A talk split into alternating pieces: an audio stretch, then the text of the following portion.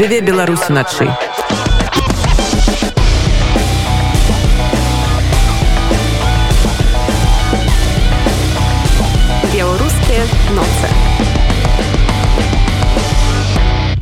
пачатку беларускіх пратэстаў Польша выдала жыхарам нашай краіны амаль 180 тысяч віз про гэта днямі заявіў намеснік міністра замежных спраў Польшы Марцін пшыдаш калі раней беларусы у асноўным прыязджалі ў суседнюю краіну на закупы ці як турысты то цяпер нашыя суайчыннікі все часцей выязджаюць з беларусі з мэтаў уласнай бяспекі многія пачынаюць тут жыццё нанова а каб інтэгравацца у новае для сябе грамадства трэба размаўляць на яго мове про тое наколькі складана нашим беларусам даецца вывучэнне польскай мовы і як навучыцца пераадольваць сябе і пачынаць размаўляць з палякамі па-польску паразмаўляем з дырэктаркай моўнай школы поліш for Беларусь Хеленай смоляк Хелена добрай ночы добрай ночы Вось ведаю што нядаўна вашай школе споўнілася роўна 5 гадоў і распавядзіце як з'явілася гэтай ідэя адкрыць навучальную установу для замежнікаў Так, это правда. Я буду говорить по-русски.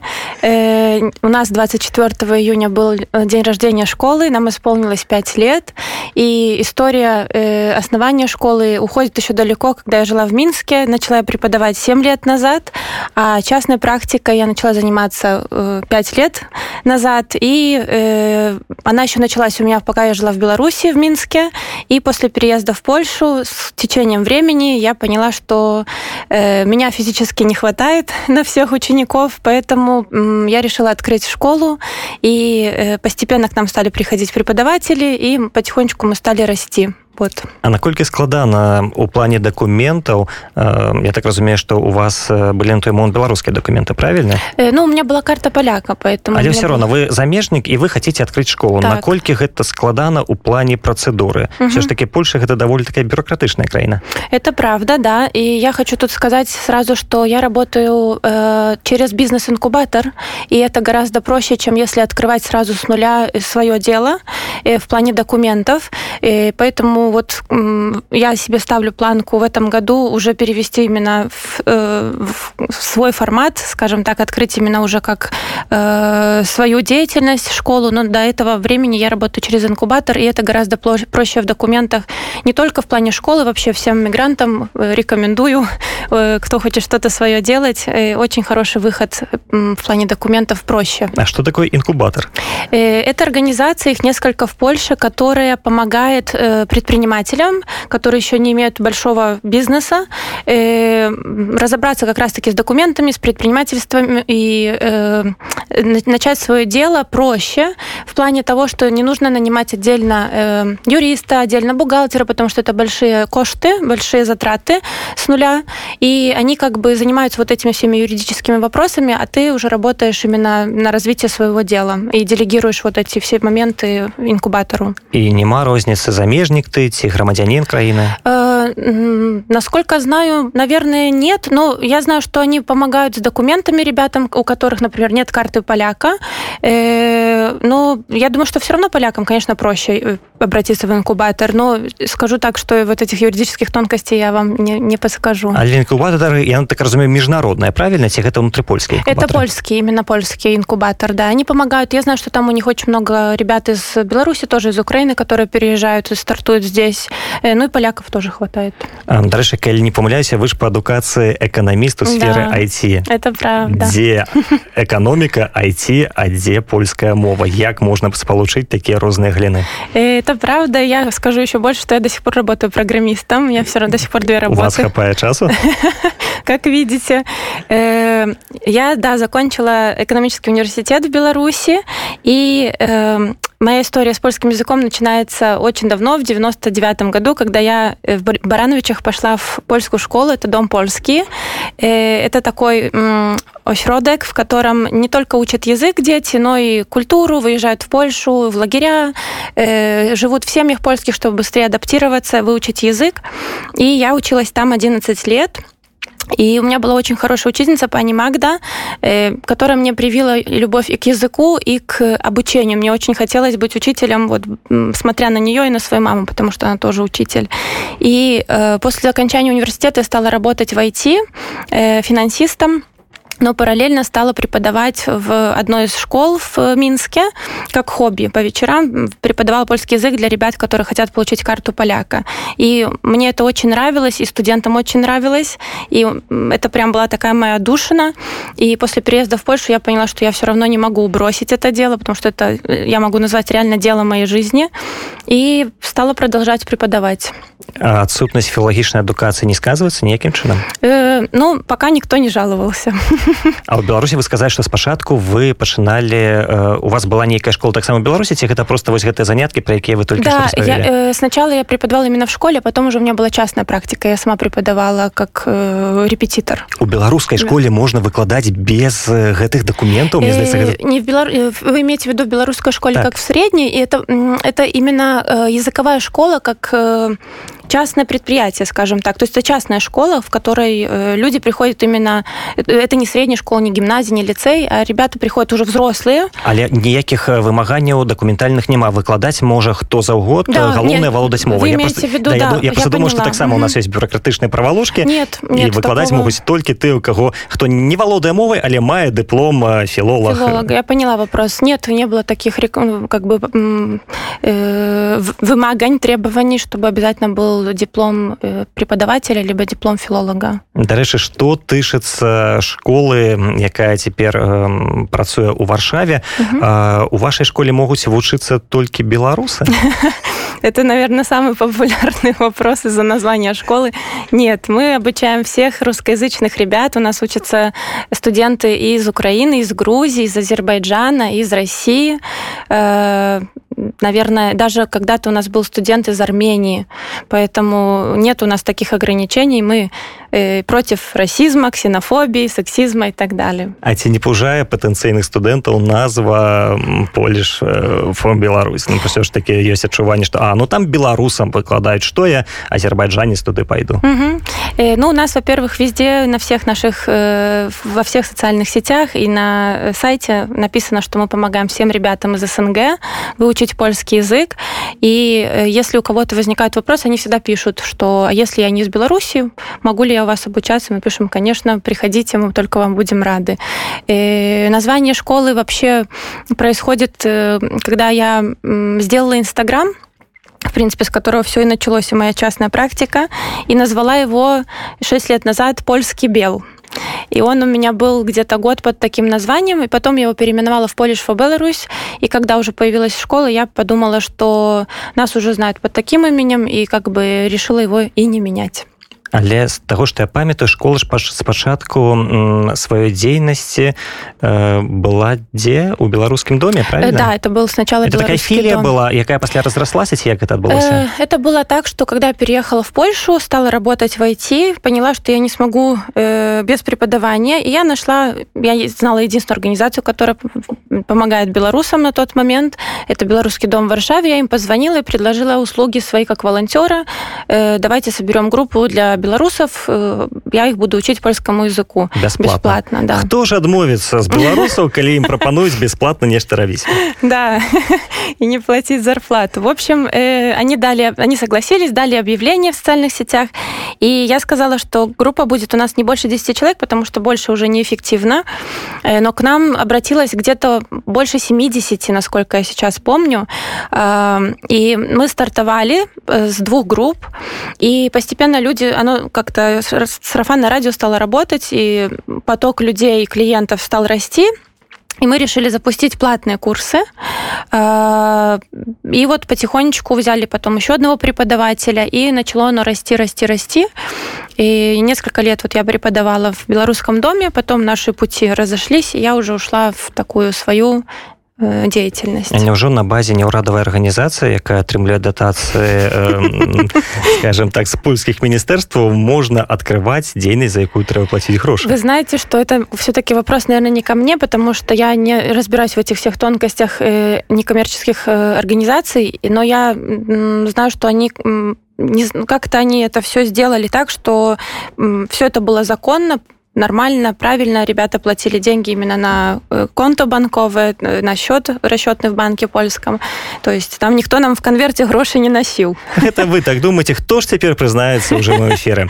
Добра, калі казаць про педагагічны склад, хто выкладае ў вашай школе, гэта, не ведаю, гэта можа палякі, якія валодаюць рускай ці беларускай мовай, ці наадварот нашыя суайчыннікі, якія добра вывучылі польскую. Угу. Значит, у нас сейчас преподает 8 Э, учителей, включая меня, и все преподаватели, которые у нас работают, имеют филологическое образование, кроме меня.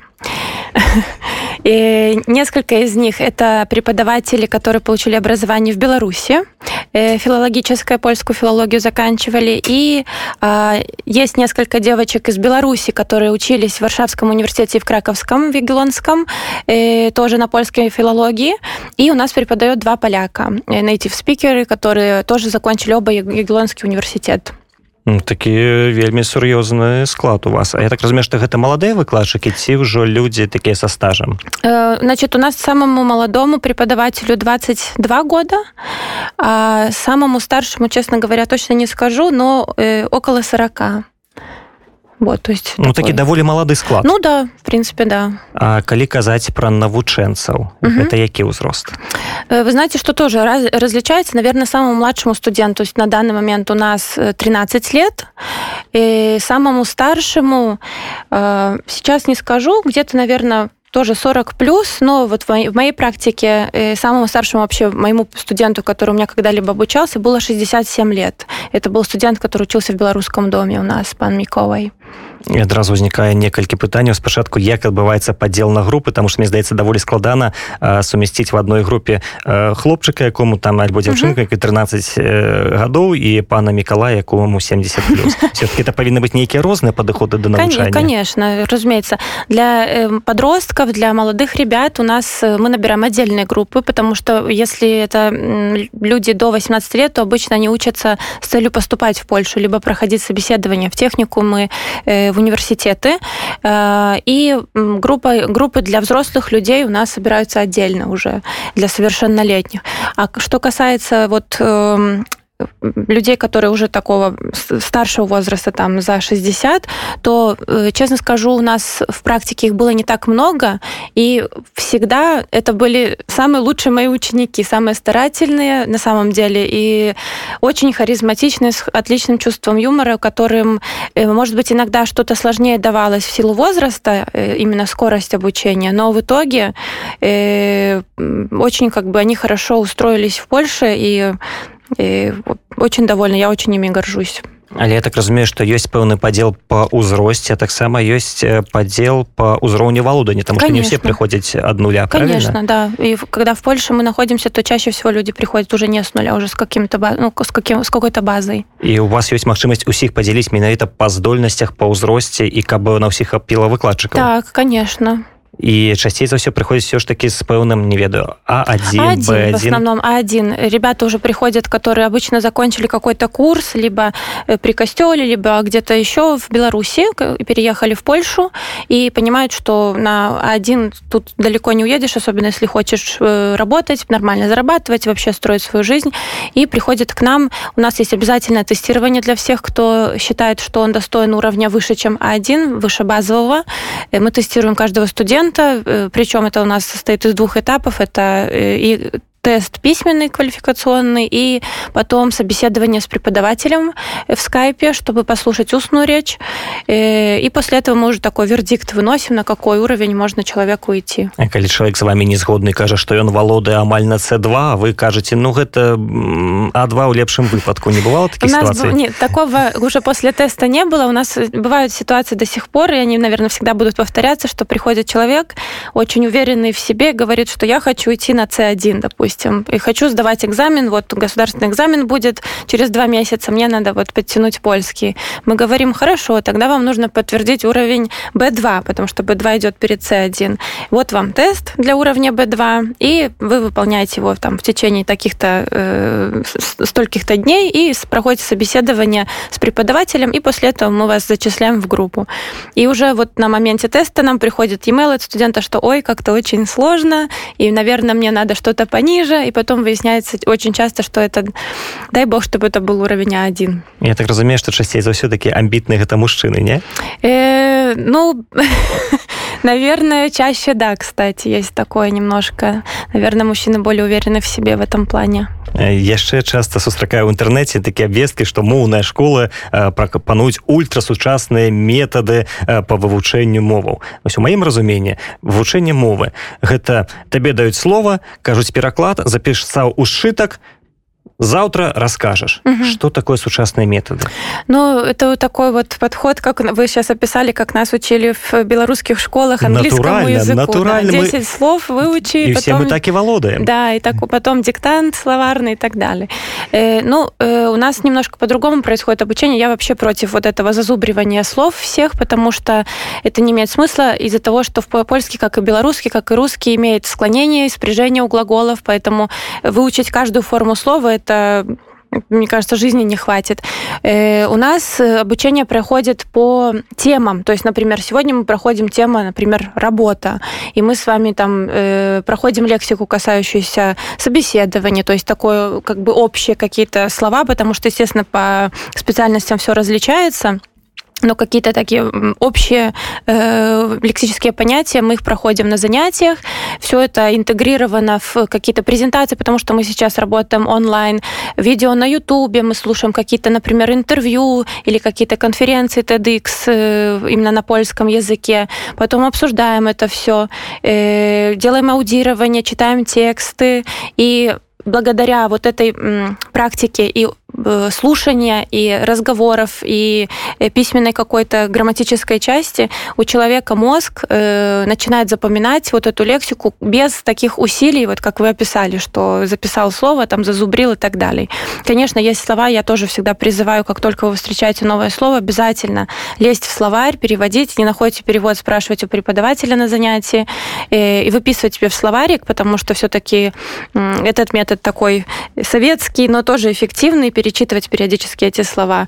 Но э, это не как бы истина в последней инстанции. Так учить язык это очень скучно, нудно и э, бесполезно, на мой взгляд. Але сучасная тэхналогія гэта просто э, калі ёсць такія аўдыавізуальныя моманты ці ўсё ж такі ёсць нейкія хітрыя ведаць як абвесткі ангельская за два тыдні і все-таки вау ну зараз я за два тыдні пачну размаўляць я вышел 11 гадоў не заразмаўляў да. а літаральна два тыдні і все у мяне будзе ёсць да. такія сапраўдныя тэхналогіі тэхнікі па вывучэнню замежной мовы. Вы знаете, что я сейчас вспомнила книгу, э, был, есть такой автор э, Кир Булычев, и у него э, это такие детские книжки про Алису, и там было через там не знаю сколько-то лет вперед инъекции, которые тебе вводят, э, такая вакцина, например, английского языка тебе ввели, и ты сразу уже говоришь по-английски, по-китайски, по-польску.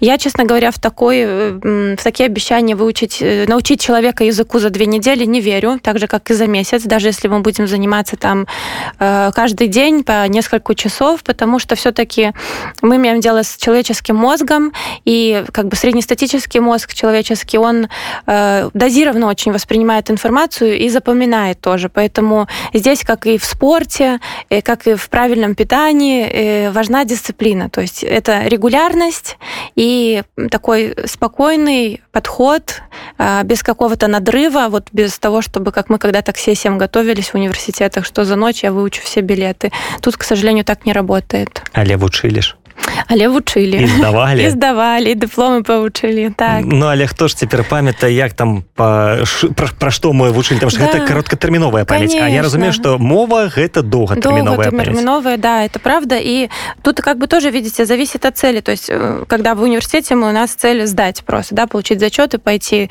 э, гулять. А здесь уже смотря что тебе нужно. Если ты хочешь хорошо жить в стране которая э, все-таки свой язык ставит на первое место не английский не русский а именно свой польский. Если ты хочешь здесь э, адаптироваться, э, если у тебя какая-то проблема случилась, нормально поговорить в Уженде, в какой-то организации, найти работу, работать с клиентами и так далее, то тут мы уже говорим про долгосрочную память и про умение как бы хорошо владеть языком в таком длинном временном периоде. Ну я бы сказал что у польскім ужэндзе якой мовай ты не валодаеш гэта не дапаможа Ну, там свая специфика это да. Да, не- нема. Об этом мы тоже говорим на занятиях, предупреждаем студентов об этом.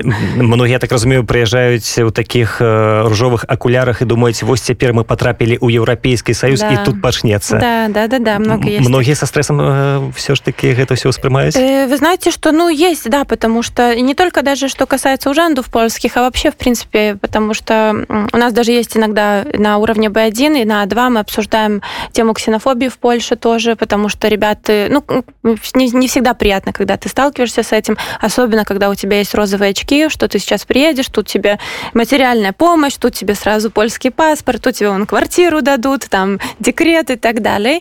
Э, Поэтому, конечно, ребята, которые вот имеют такие иллюзии о том, что переезжают в Европу, э, сталкиваются когда с какими-то такими проявлениями расизма, ксенофобии, не только, имеют большой стресс. Угу.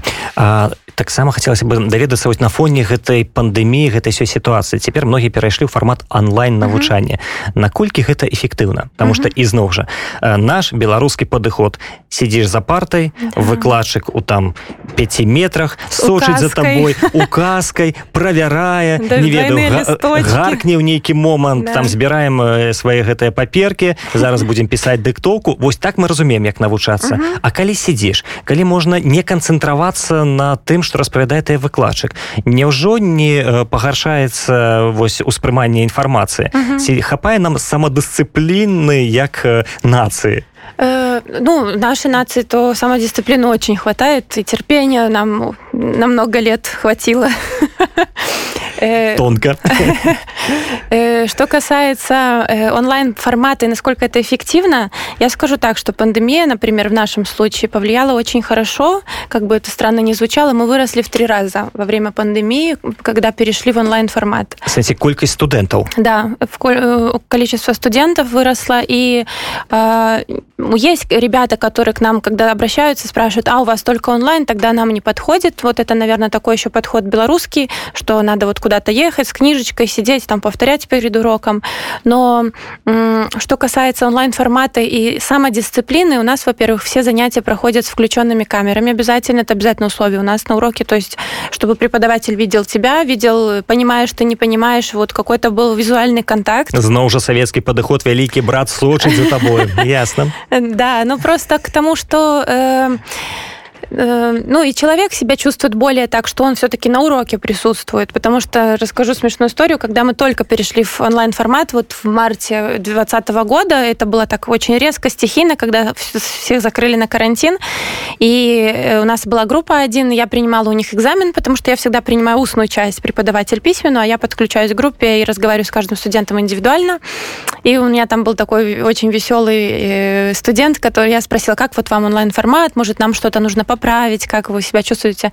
И он мне сказал, очень хорошо. Открываешь э, ноутбук, открываешь пиво и учишь польский. После этого вот мы ввели это правило, что у нас обязательно включенные камеры должны быть на занятии.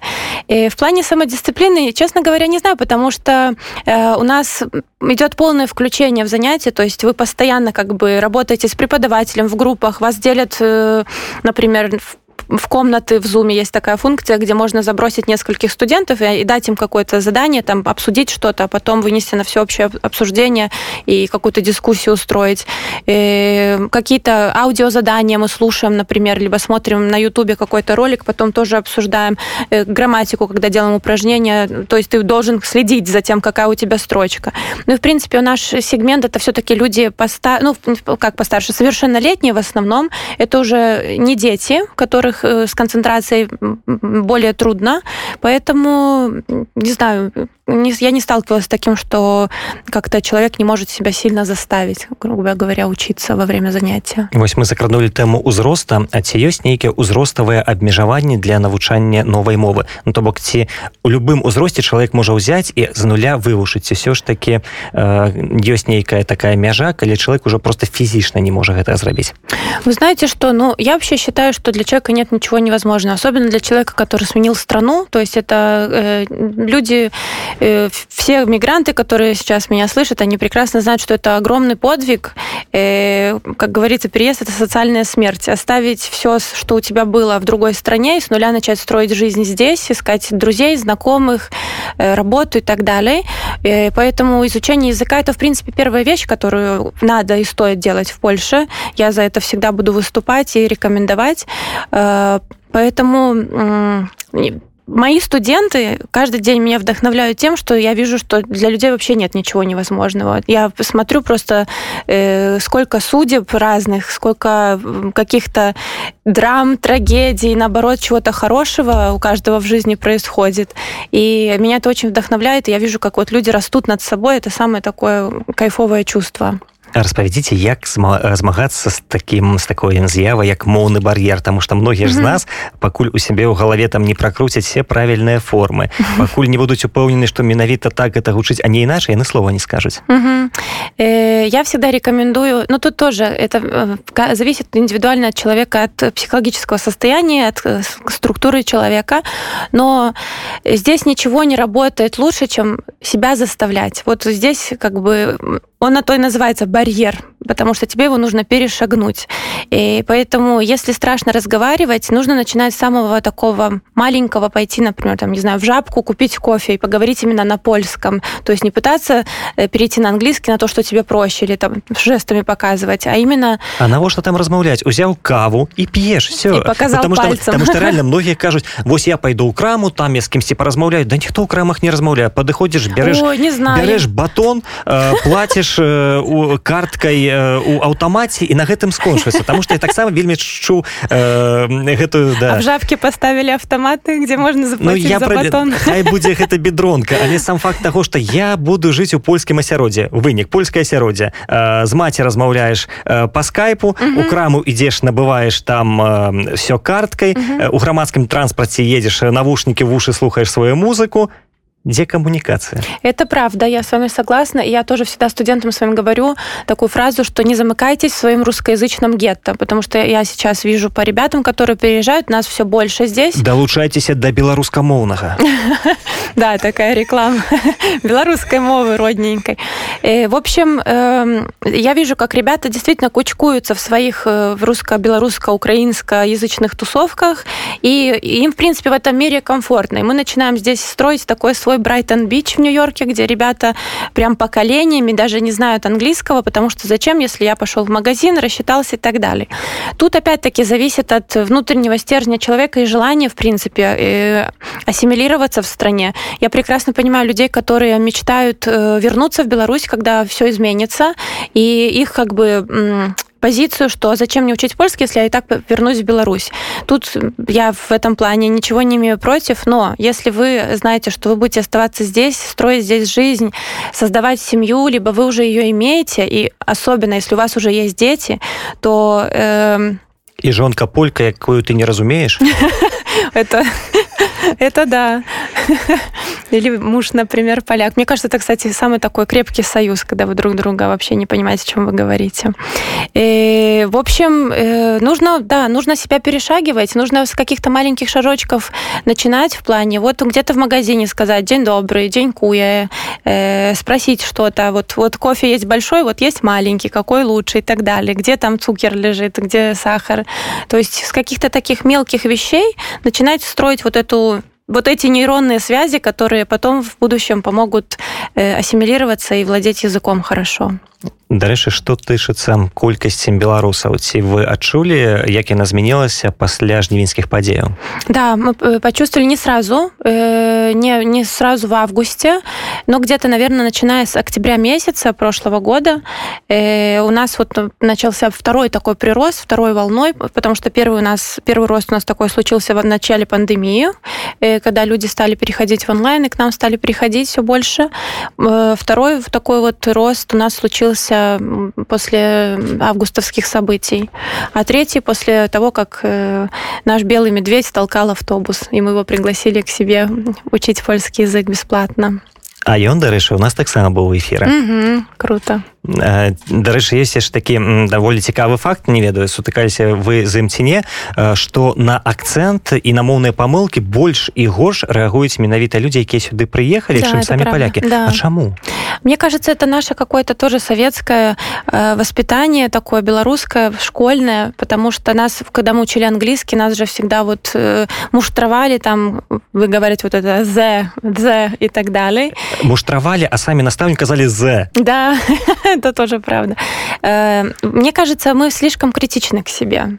Это наша такая национальная черта себя гнобить и не любить, и не принимать себя. Я, например, считаю, и всегда студентам тоже говорю, что в акценте нет ничего страшного, потому что акцент показывает в первую очередь, что вы знаете больше, чем один язык. И это очень круто. Вы сделали над собой огромное усилие и э, начинаете что-то новое, начинаете, заставляете свой мозг работать. Это круто. То, что у тебя есть акцент, в этом нет ничего плохого. Ты молодец, и ты правильно двигаешься. А яшчэ я заўважу что ваша старонка толькі на рускай мове дзе беларуская А где польская, вы бы спросили? не я бы запытаў дзе беларуская там якая у вас назва Polish for Belarus, ну да. і дзе ж яно Э, Мы работаем, мы сейчас переделываем полностью сайт, потому что сайт у нас писался в прошлом году э, очень быстро, потому что ну, появилась такая подшеба, э, такое требование со стороны клиентов, чтобы нам структурировать всю информацию. И э, делали мы это все в таком дружеском, скажем так, кругу.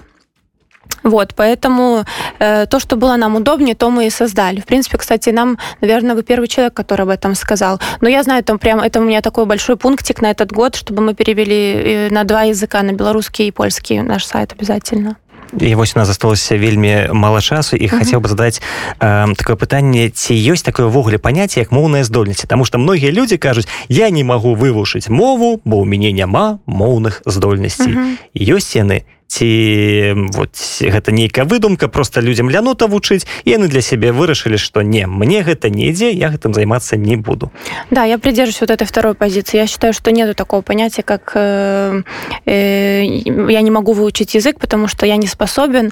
Э, я, да, тут я считаю, что в первую очередь это либо лень, либо опять-таки вот это гнобление себя, какая-то неуверенность в себе и э, распознавание себя как человека, который не способен чему-то научиться. Я считаю, что э, язык, а тем более польский, который очень близок к белорусскому грамматически, и многие, и в лексике тоже, э, это не так сложно.